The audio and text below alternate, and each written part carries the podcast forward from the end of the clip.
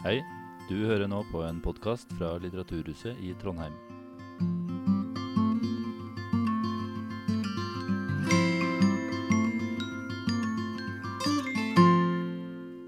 Velkommen til dette digitale arrangementet på Litteraturhuset i Trondheim. Mitt navn er Jan Markus Johannessen. Det er i dag 18 dager siden Putins eh, styrker rullet over den ukrainske grensen og invaderte nabolandet Ukraina. Millioner av mennesker er på flukt, og de menneskelige lidelsene er ubeskrivelige. Men Ukraina står fortsatt og har gjort en oppsiktsvekkende motstand mot en overlegen militærmakt. Er dette et tilfelle av David mot Goliat? Hvor eh, stor påvirkning har egentlig vestlig støtte? Og hvordan er balanseforholdet mellom de to militærmaktene? For å få en bedre innsikt i konflikten så har vi med oss i dag Lars Peder, eh, Pedersen Haga. Velkommen. Takk. Du er førsteamanuensis ved Luftkrigsskolen eh, og forsker på russisk militærmakt og luftmakt. Du må ha hatt ganske travle dager nå i det siste? Det har gått egentlig ganske i ett siden den 24. februar, når det starta. Så formatet på denne samtalen eh, er at eh, du skal få gi oss en eh, introduksjon, og så vil det være muligheter for publikum å stille spørsmål underveis i streamen, som vi da vil forsøke å svare på etter at foredraget er over. Så da tenker jeg Lars, vær så god. Ordet er ditt. Takk. Da setter jeg egentlig bare i gang. La oss begynne med å, å se på hvor skjer dette her, og uh, hva, er, hva er geografien. Ukraina ligger der, med, med grense mot uh, Russland i nordøst, Hviterussland i, i nord, Polen, Slovakia og Ungarn i, i vest, og uh, Romania og Moldova i sør. Også med en kyst mot Svartehavet. Og så kan vi dra det opp. Eh, Det er et stort land. Det er et av de største i Europa. Det er vel eh, litt større enn eh, Frankrike, litt mindre enn Texas, hvis man har referanse på den sida av havet. Og en befolkning på omtrent 44 millioner. Og så har det vært mye snakk om identitet, og nå håper jeg jo at med, med så mye oppmerksomhet så får vi tatt knekken på den forestillingen om at det er en sånn én-til-én-forhold mellom språk og identitet i Ukraina. Man kan legge merke til, Dette er en gammel folketelling fra 2001, men da er det altså 77 eh, som regner seg som ukrainere. Men det er 67,5% som oppgir at de har ukrainsk som hjemmespråk. Så det er altså fullt mulig å ha russisk som hovedspråk og eh, ha en ukrainsk identitet. Og det har nok blitt styrka med den eh, krigen som Ukraina har vært i med Russland. Den starta jo ikke 24. februar, den starta i 2014.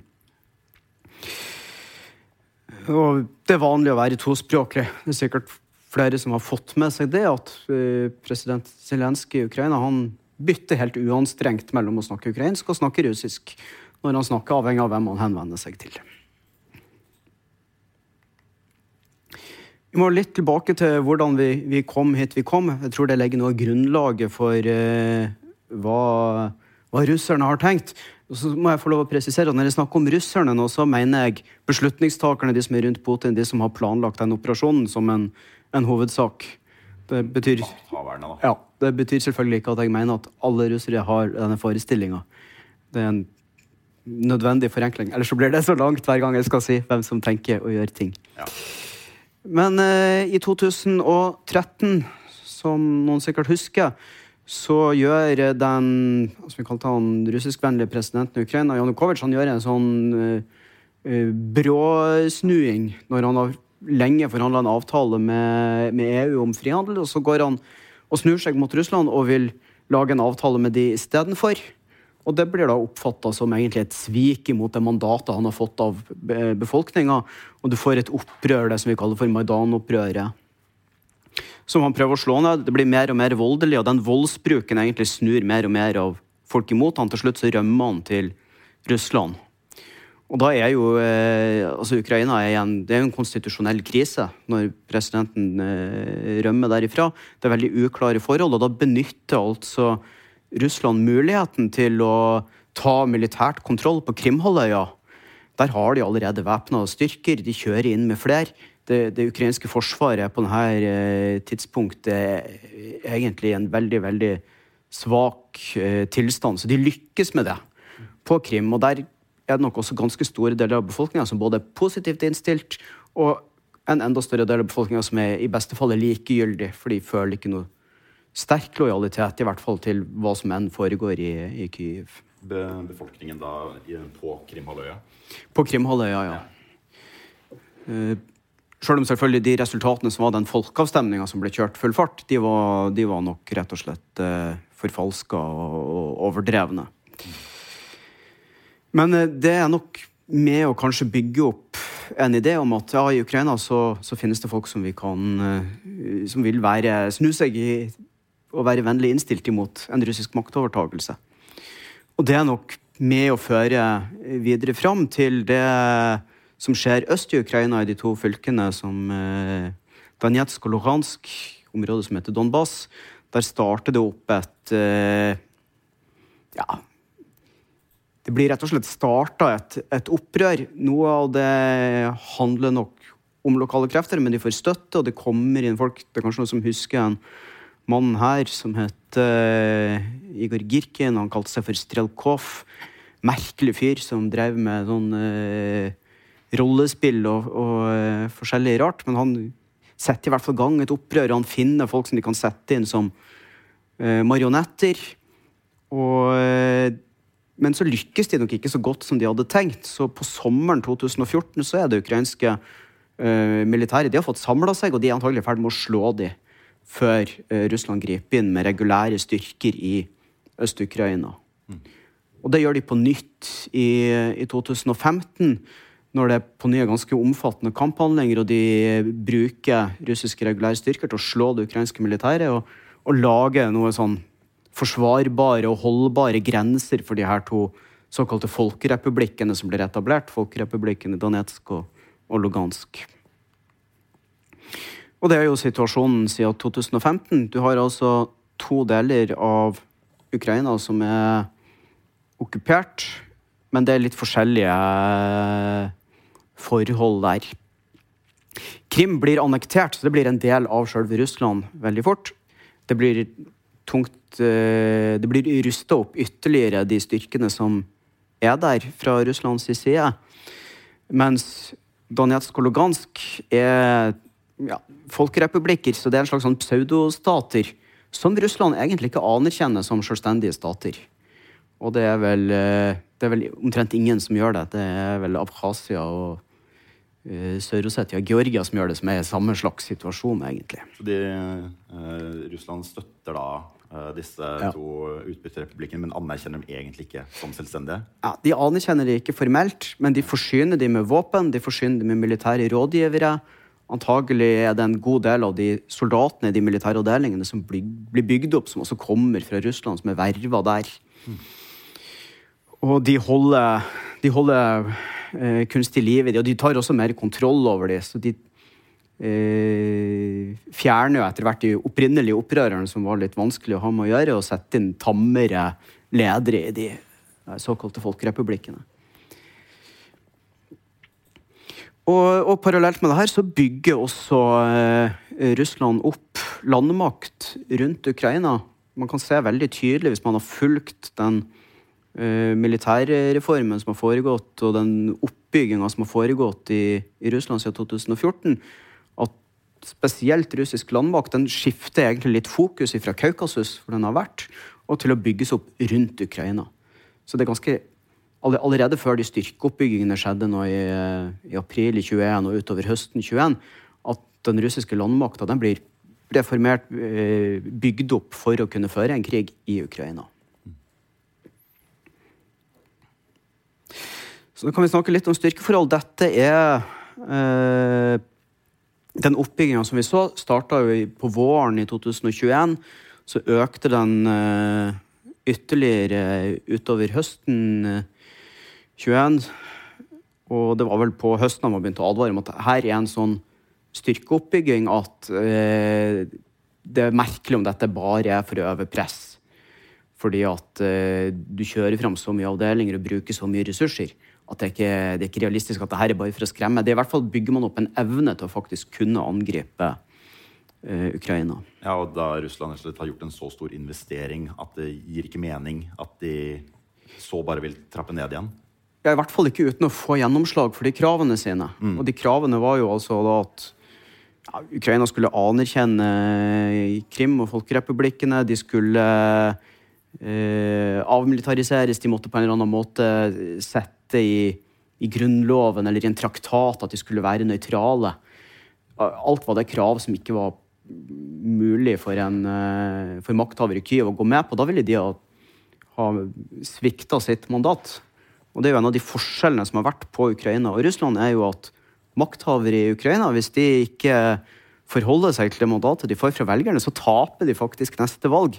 Eller i verste fall så blir de jo eh, rett og slett kjeppjaga ut derifra. Litt som eh, skjedde i 2013. Ja. Ja.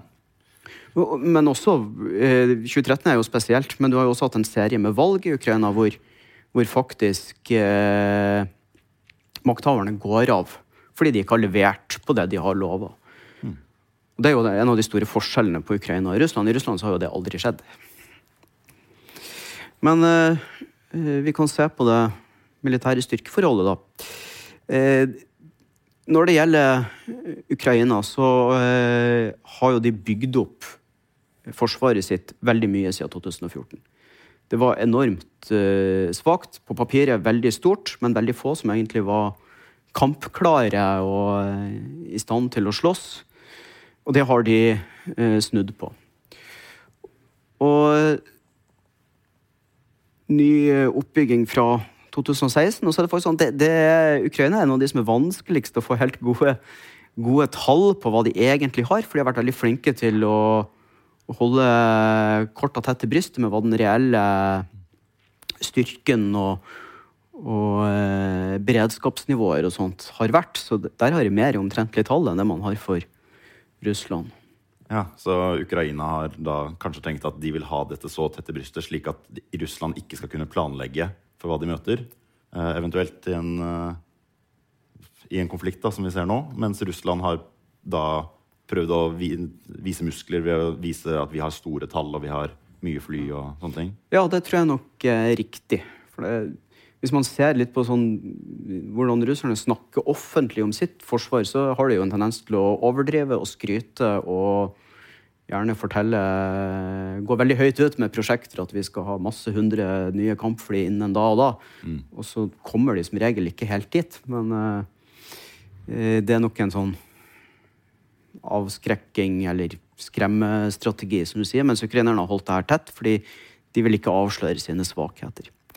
Men vi kan se litt eh, Estimatet på hva russerne har flytta fram mot Ukraina før dette her, det er jo inntil 190 000 mann. Og eh, da begynner det å nærme seg. Jeg har sett estimat på det kanskje sånn 60-70% 60% nærmere. Altså over halvparten av de russiske landstridskreftene har blitt deployert og er i nærheten av Ukraina. Eh, Det har aldri vært så lite styrker f.eks. I, eh, i østlig militærdistrikt på grensa mot Kina mm, i, som i, i manns minne. Og dette er i hovedsak profesjonelle styrker.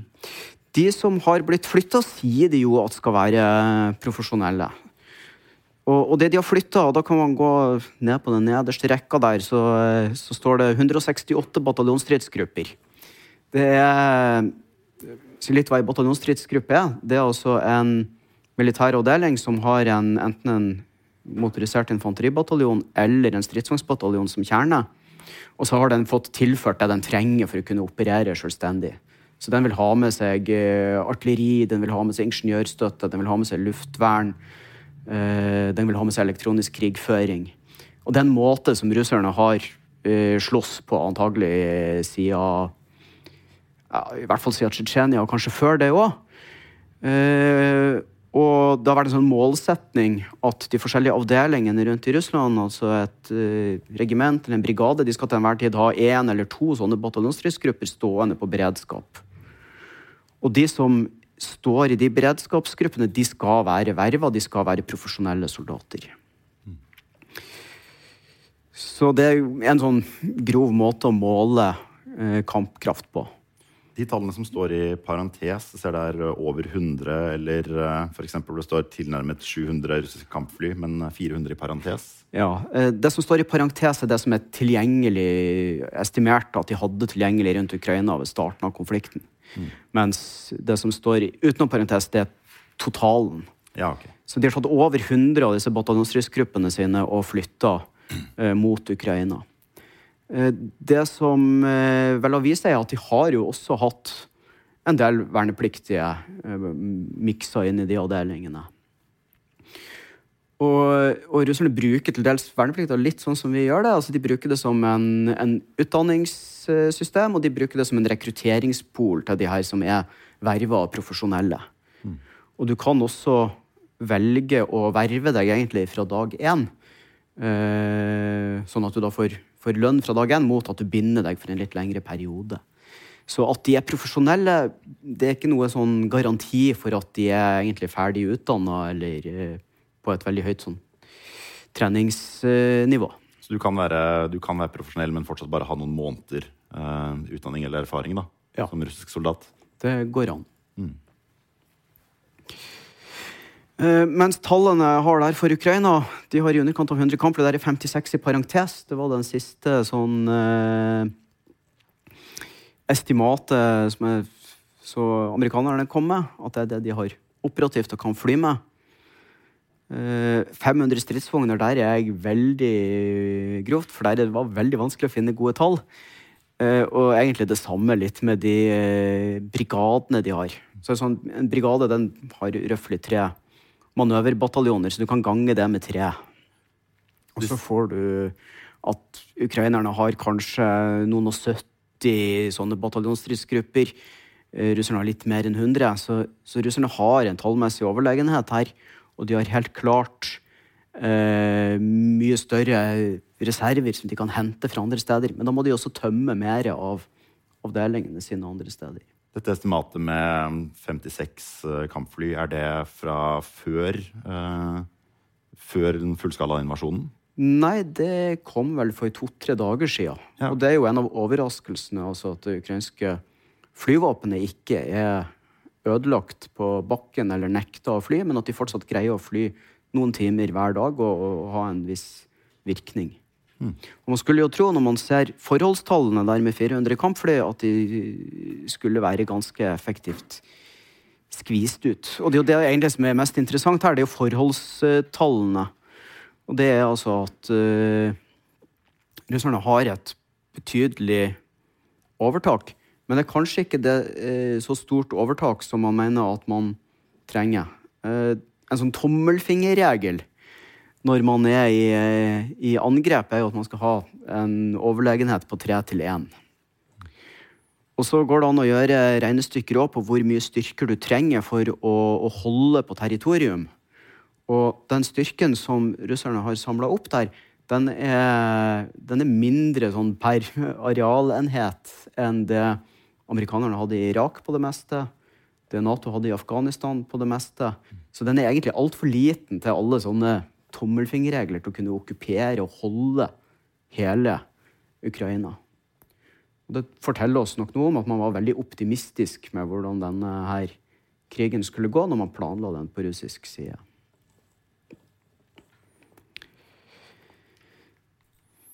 Da har vi noen uh, målsetninger. Her er en sånn som kom den 24. februar. Det er Michael Coffman som har gjort, basert på hvor styrkene var.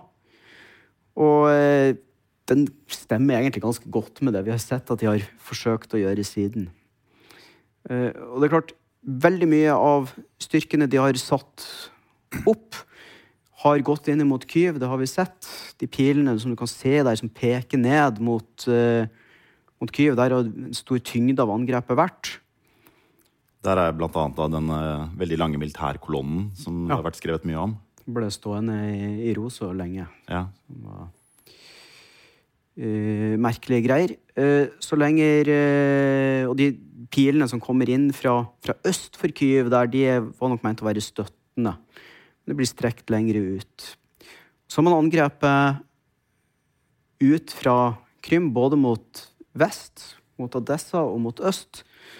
Og, og den bevegelsen som har gått mot øst, hensikten der er nok helt sikkert å få til å avskjære de styrkene som står i øst. Hvis du går og ser på de pilene som ligger nede på, på østsida der, så er det røfle grensene for det er Folkerepublikken Donetsk og Lugansk. Og det er jo i områdene rett vest derifra så har nok ukrainerne hatt en veldig stor del av landstyrkene sine. Og også de som eh, Landstyrkene de har, vært, de har rotert. Så de har hatt en sånn opptreningssyklus og sikkert fått tildelt nytt materiell før de har gått inn i området der. Og der har de vært i åtte år, og de har hatt mulighet til å forberede stillinger, eh, legge opp lagre eh, og eh, lære seg å kjenne den motstanderen de kan forvente. Så der er det nok ei veldig hard nøtt å knekke. Men hvis russerne hadde greid, eller greier å kutte de av fra forsyninger vestfra, så kan de jo bare holde så lenge. Fordi etter hvert så vil du slippe opp for eh, forsyninger, og der har jo russerne frie forsyningslinjer gjennom Folkerepublikken Donetsk og Lugansk. Og hvis de blir avstengt, ikke greier å bryte ut, så vil det være et veldig stort taktisk nederlag for ukrainerne. De vil miste en stor bit av landstyrkene sine. Og de vil også da tape territorium som de mener det er viktig å holde. Hvordan er situasjonen for den uh, russiske kniptanksmanøveren som de prøver å gjøre her? De har ikke riktig nådd fram. Og uh, det skal vi komme tilbake til. Men det er også et viktig mål ved siden av å ta Kyiv. Fordi de ser tydelig for seg at hvis Kyiv faller, da skal vi ta kontrollen her. Og, og det vil liksom knekke den ukrainske motstanden. Mm. Så vil de også ta og kontrollere eh, Svartehavskysten, gjerne hele. For da vil de jo blokkere all ukrainsk eksport og inntekter. Mye av det Ukraina eksporterer, jordbruksprodukter og sånn, det går på skip. Og begynne også å ta det gjennom, med tog gjennom Polen eller noe sånt, det vil være veldig krevende å gjøre. Ja, Og spesielt nå, tenker jeg. Ja. Og, og der tror jeg også litt av det her veldig tydelige, skal vi kalle det ideologiske eh, biten av denne invasjonen. Altså de kystområdene var jo noe av det som eh, eh Haukene snakka om i 2014, at dette er det, det historiske Novarasia, det hører naturlig til Russland, at vi har hele kyststripa. Og haukene, da mener du politikere som er uh, for ja. militære aggressive Ja. Politikere, entreprenører, sånn som han eh, Strelkov, uh, som vi snakka om i 2014. Mm. Og de vil også kunne knytte sammen Krim og, og Donbas. Så man får en sånn landbro. Det var også veldig mye snakk om i 2014. Kanskje det var en målsetning. Og så er det det som eh, vi ikke ser så godt her, fordi at styrkene er ikke tegna inn. Helt vest i Hviterussland så er det også en del uh, militære styrker, og de ligger jo der og kan true Vest-Ukraina. Men det ser jo ikke ut som det er noen styrker som er egentlig avsatt til å gå inn i de vestligste delene av Ukraina, mot Lviv, der eh, Som nå er blitt en sånn hub for medier, og hvor flyktninger reiser gjennom. Mm som på noen måter er sånn, hovedstaden i Vest-Ukraina. Og kan jo bli en eksilhovedstad hvis Kyiv faller. Men eh, i Hviterussland så står det styrker som kan true den, og som kanskje kan true da forsyninger fra vest. Fordi at nå kommer jo våpenhjelp, eh, alle andre typer forsyning kommer jo inn fra vest gjennom Polen. Eh, det, deres problem kanskje er at de er nødt til å lene seg på det hviterussiske militæret, og de er ikke sikkert at de er så veldig interessert i å være med på dette her.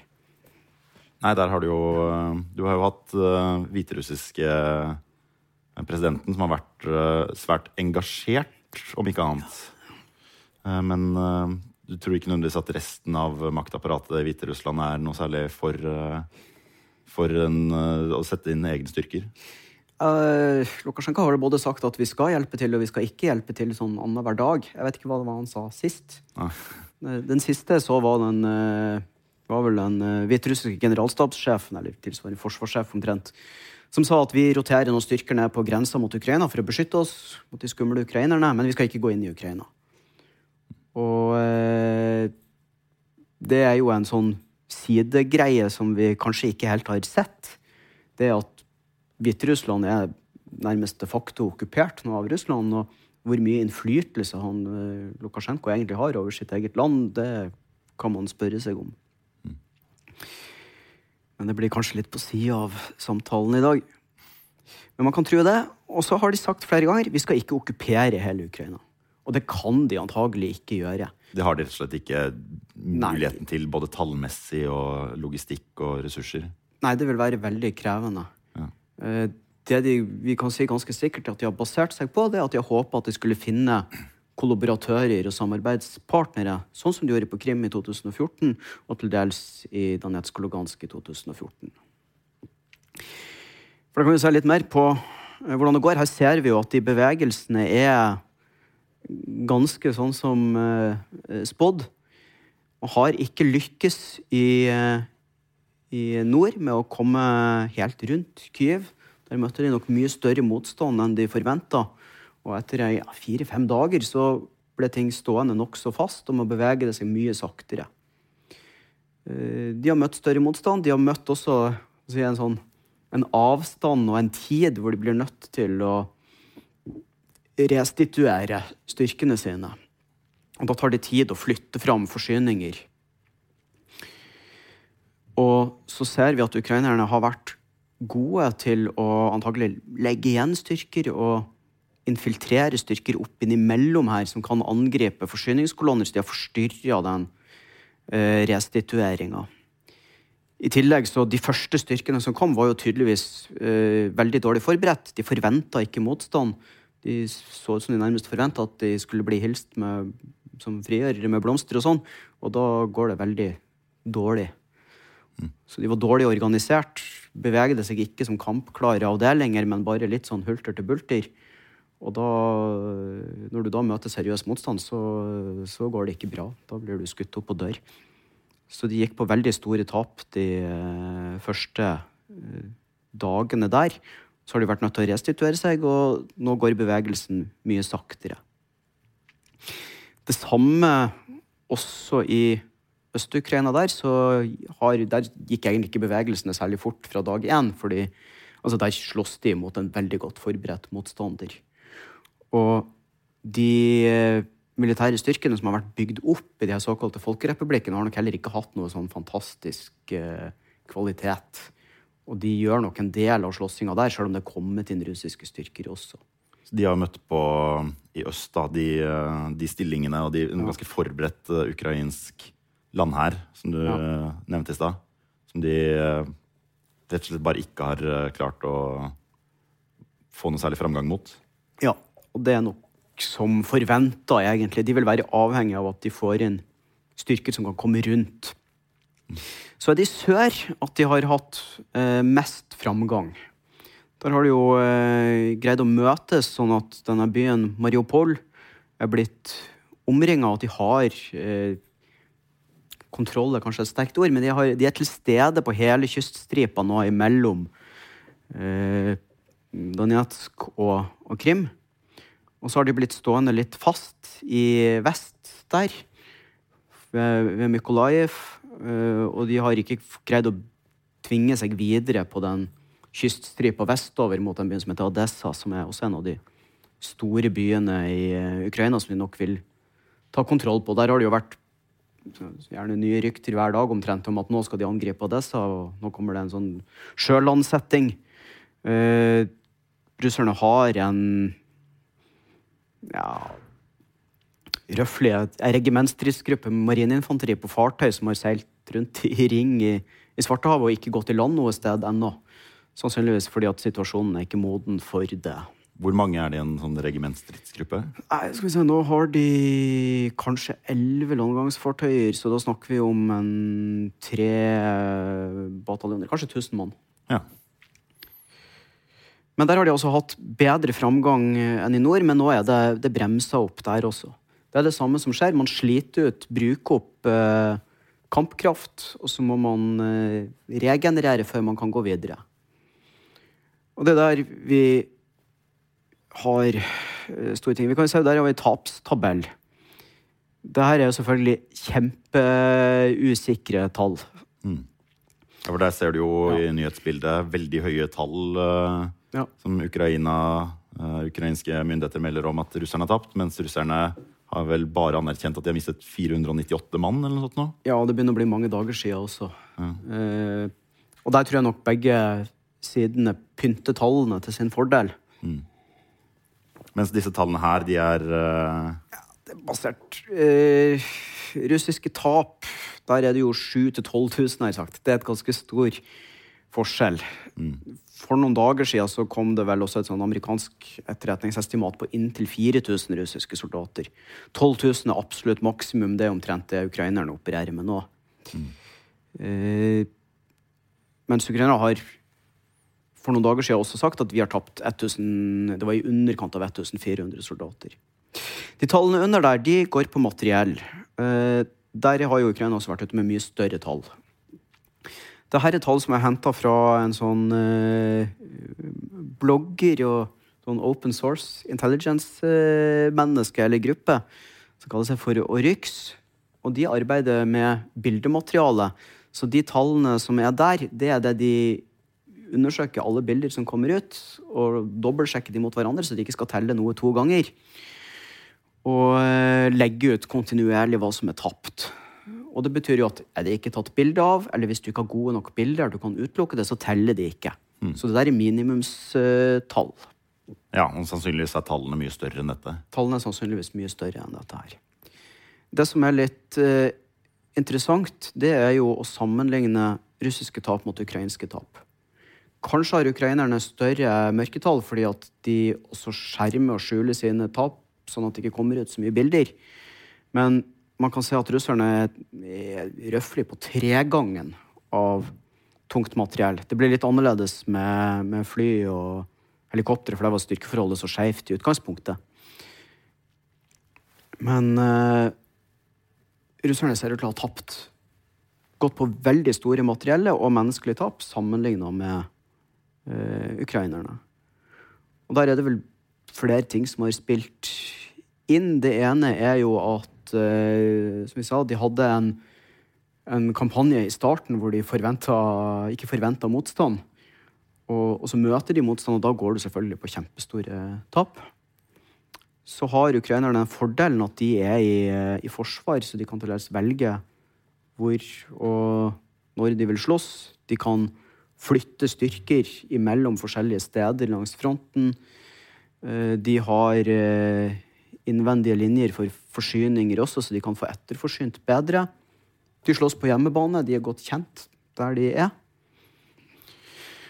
Og eh, flere ting. Så derfor ser vi de der skeive tapstallene. Med hvis eh, Nå er det jo utrolig mye som har skjedd de siste 18 dagene, men hadde du som ekspert på russisk militærmakt regnet med at det kom til å være så skjeve tall eh, i tapene mellom de to landene? Nei, jeg hadde nok trodd at eh, russerne skulle ha mindre tap, og at de skulle ha, ha eh, holdt å si, opptrådt taktisk klokere i begynnelsen. At de så til de grader undervurderte eh, motstanderen, det, det syns jeg ikke var sannsynlig. På, på den andre sida, litt sånn i, i etterpåklokskapens lys, så kunne man kanskje ha forventa det når Altså, vi alle satt jo eh, Det har du sikkert fått med deg, at forskjellige eh, ekspertmiljøer sier at nei, det, kan jo ikke bli noen invasjon. De har ikke nok styrker. Eh, de kommer til å bli truffet med sånne sanksjoner som de aldri har sett før. Så de må jo skjønne at dette her går ikke bra. Og det er klart, når de da angriper, så må det jo bety at de har feilvurdert den ukrainske motstanden. De har feilvurdert motstand fra verdenssamfunnet. Og, og når du da feilvurderte motstanden, så vil du jo også opptre deretter. Så, så sånn sett så, så gir det mening i, i ettertid. Men det er, jo, det er alltid lett å være etterpåklok.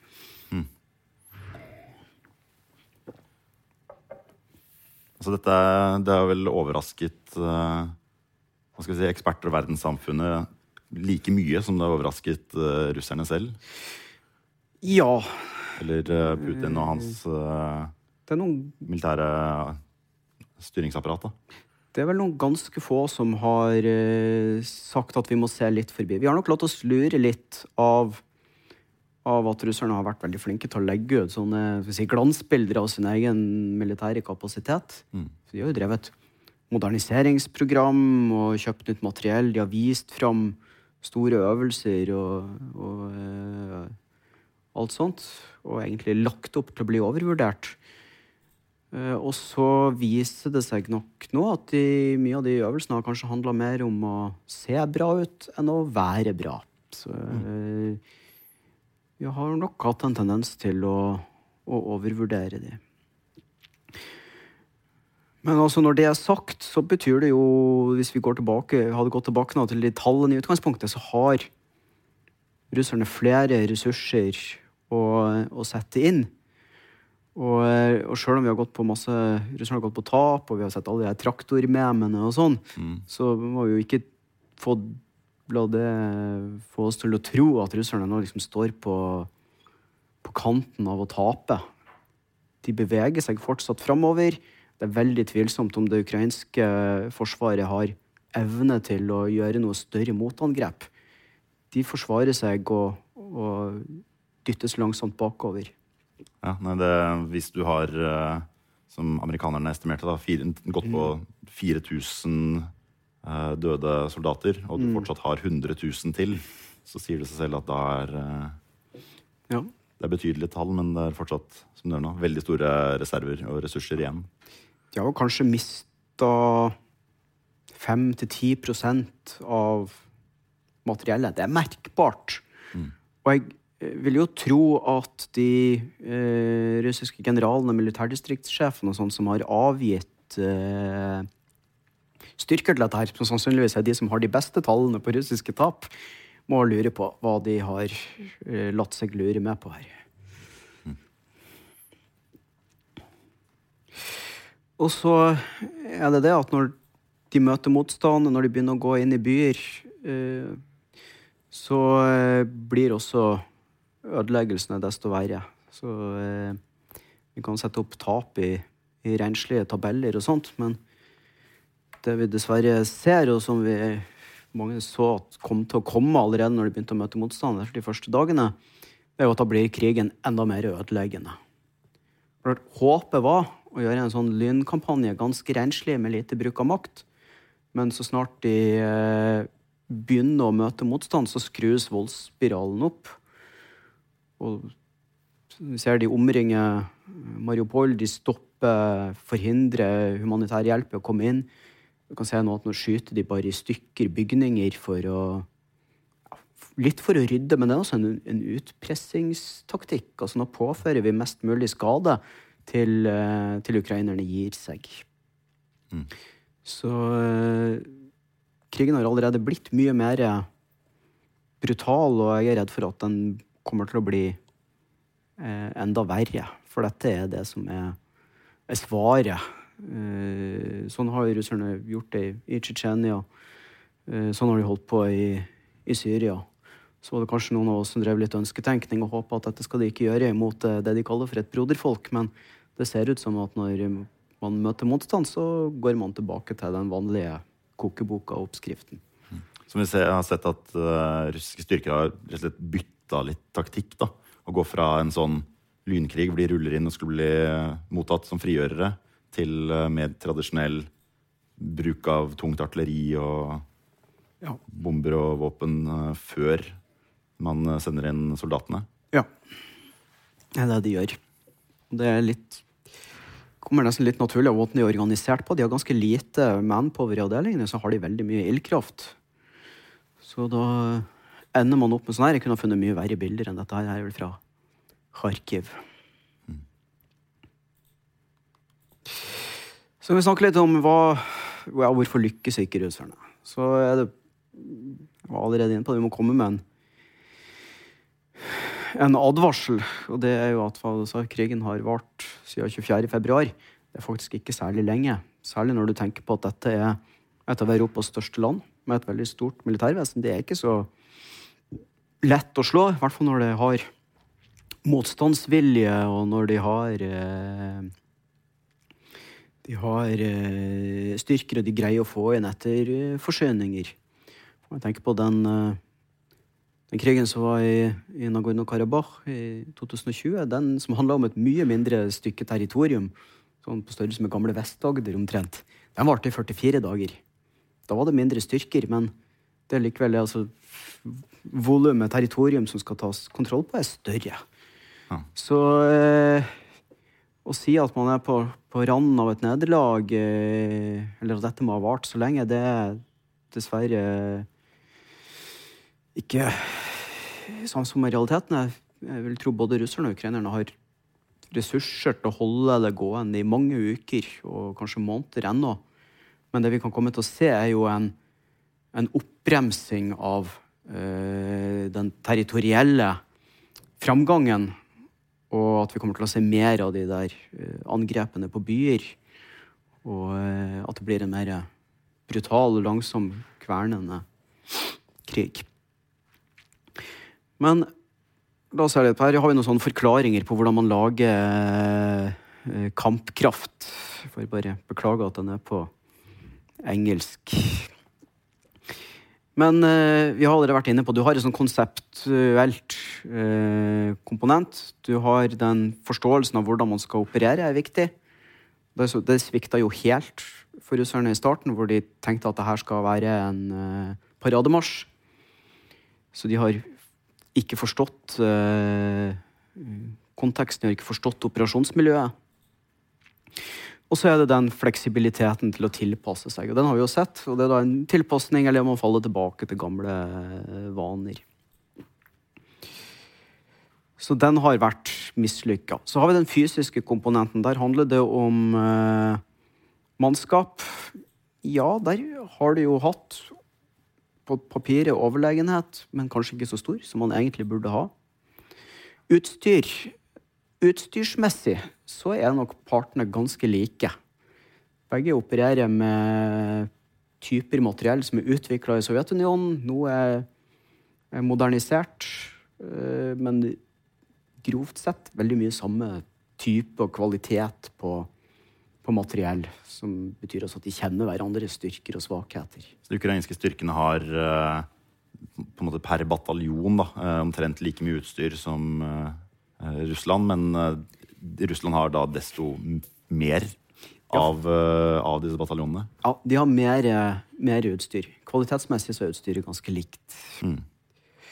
Så har vi det med trening og effekt og kollektiv eh, ytelse som står. Altså er man trent riktig?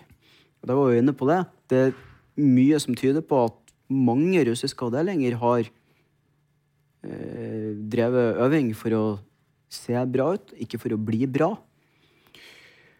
Mens mye tyder på at ukrainerne har lært mye på de siste åtte åra.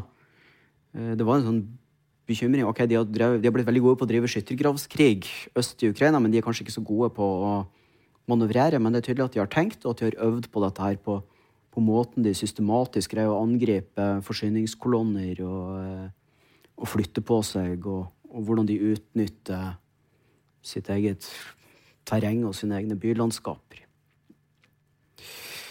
Så er det med sustainability, eller muligheten til å eh, eh, holde ting i gang. Og der har jo altså ukrainerne fordelen at de har sine interne linjer. Der har russerne svikta. Delvis pga. den planen de hadde om at dette skulle være fort over. Og da planlegger man jo ikke og legger ikke opp for etterforsyning. Og kanskje spesielt i nord, hvor det er litt dårlige kommunikasjonslinjer. I sør, hvor de har greid å hekte på jernbanenett og få dytta ting opp fra, fra eh, Krim, så fungerer antagelig det bedre. Derfor har de også hatt mer framgang der. Og så er det til slutt samla ressurser.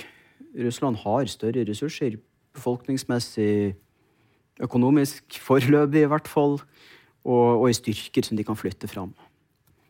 Så har vi til sist den uh, uh, moralkomponenten. Og der har vi jo altså styrker sin uh, moral. Der ser det jo ut som om ukrainerne i stor grad har et overtak. Og det sier de. Vi, vi slåss for vårt eget land, vårt eget terreng, mens i hvert fall store deler av de russiske styrkene har egentlig ikke blitt forberedt på hva de skulle gjøre. Eh, og da, da slåss man dårlig. Altså Hvis du har blitt forespeila at dette skal være walk in a park, ingen kommer til å skyte på deg, så blir du skutt opp og angrepet fra alle kanter, da synker selvfølgelig moralen fort. Jeg tror òg det kan, eh, kan, være en del av forklaringa på at man har hatt bedre framgang i sør, for det er kommet styrker ifra fra eh, Krim, som nok kanskje har hatt et klarere bilde av Ukraina og ukrainerne som fienden enn de soldatene som har slåss i nord, som har vært henta fra andre militærdistrikter, fra sentrale militærdistrikter, fra østlige militærdistrikt ved Stillehavskysten. Så blir du sendt av gårde og kanskje forespeile at dette skal være en øvelse, en deployering, skal vi dra hjem, og så er du plutselig i krig. Ja. Så et par tusen kilometer unna der du vanligvis opererer, uh, uten helt å vite hvorfor. Ja. ja kan man vel forstå at det er krevende. Og så er det dette med ledelse. Og det er noe av et sånn mysterium. Vi har ikke sett noen eh, enkel eh, russisk sjef for hele denne operasjonen ennå. Det som er mulig, er at disse styrkene de kommer jo sånn mot nord så grenser jo eh, Ukraina mot det som heter vestlig militærdistrikt. Mot eh, øst så grenser de mot sørlig militærdistrikt. Uh, og Krimhalvøya er også en del av sørlig militærdistrikt. Så det kan tenkes altså at de ikke har noe enhetlig ledelse, at hver av de to militærdistriktene har fått ansvar for hver sine biter. Og så kan man lure på hvor godt koordinert de er. Det kan også kanskje være en del av forklaringa at det går bedre i sør enn i nord. At de har rett og slett vært, hatt en mer kompetent ledelse som har lagt en bedre plan. Men nå er jeg ganske langt ute i spekulasjonen. Ja. Du har jo snakket om dette med at uh, det har vært uh, mulig at de russiske styrkene har fokusert mer på å se bra ut enn uh, å, å, være bra. Er det et, kommer det sannsynligvis av et politisk press fra oven? Ja. Det er Mye av de her forklaringene må du se i hvor gjennom si, hele systemet har blitt.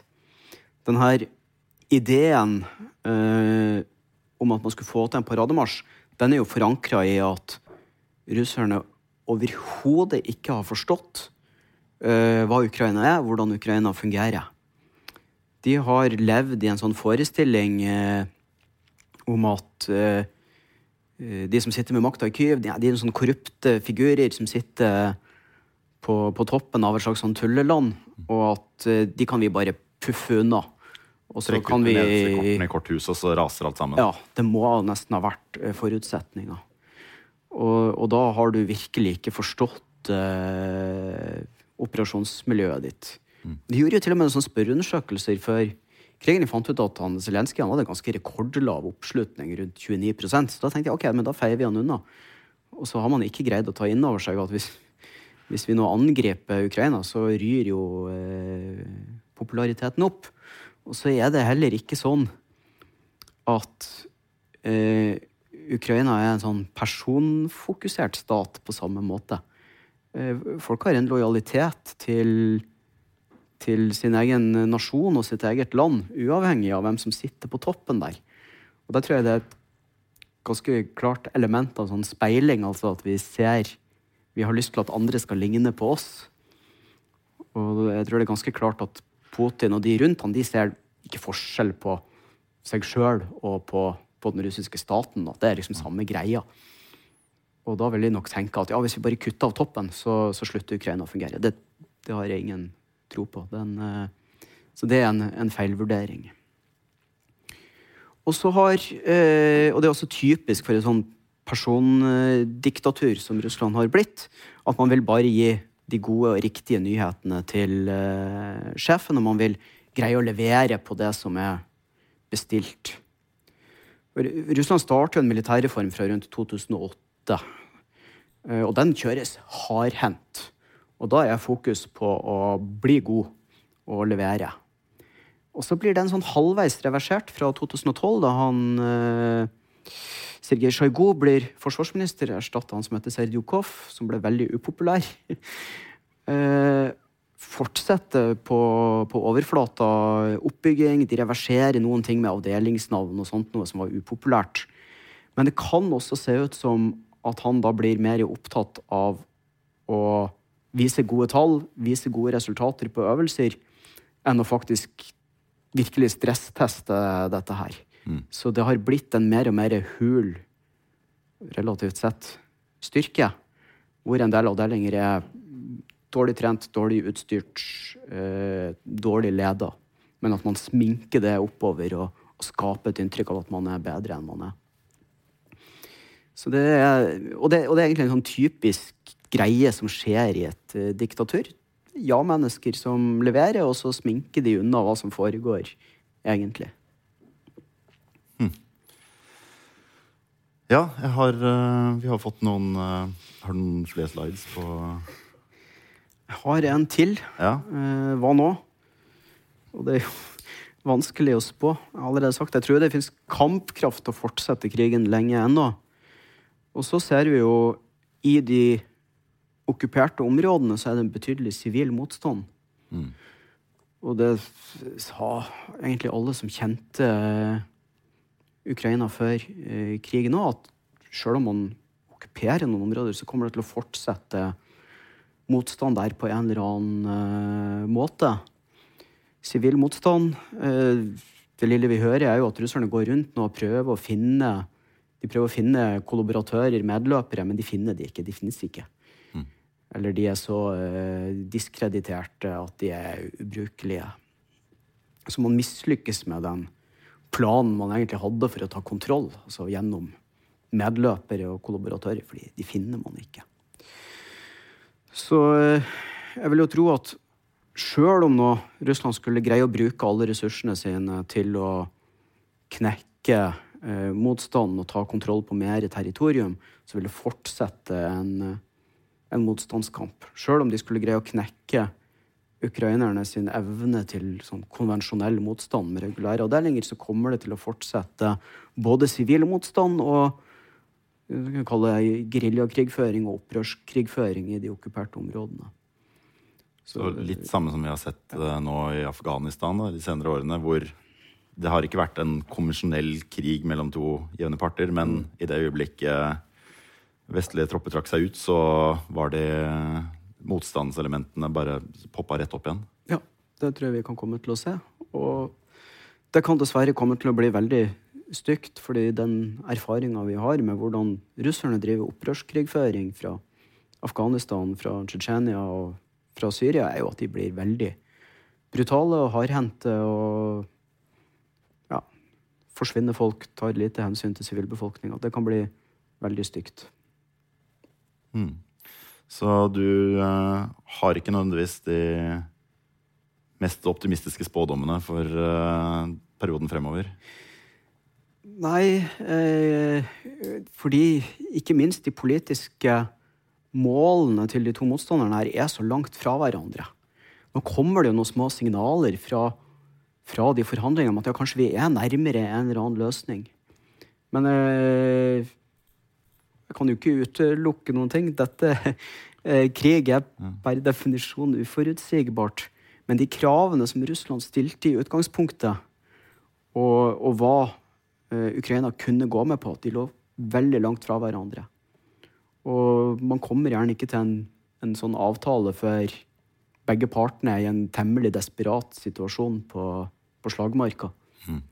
Så du tror at inntil videre så vil uh, begge partene prøve å få alt de har lyst til, istedenfor å inngå noen kompromisser? da? Ja. Uh, man, må, man, må, egentlig begynne å tape før man er villig til å gå inn på kompromisser. Ja. På det, uh, for ukrainerne så handler det om noen kjerneverdier. altså Ta vare på territoriet sitt, ta vare på befolkninga si.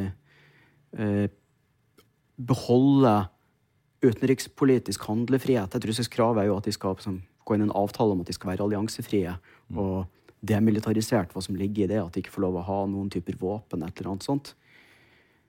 Uh, og for russerne så handler jo det her også om noe som tydeligvis er, er kjerneverdier. Altså de vil ha Nato under grensa. De vil ha et uh, Ukraina som ikke er i stand til å føre en selvstendig utenriks- uh, og sikkerhetspolitikk. Så det, det er ganske sånne tunge saker hvor de står i motsetning til hverandre. Mm.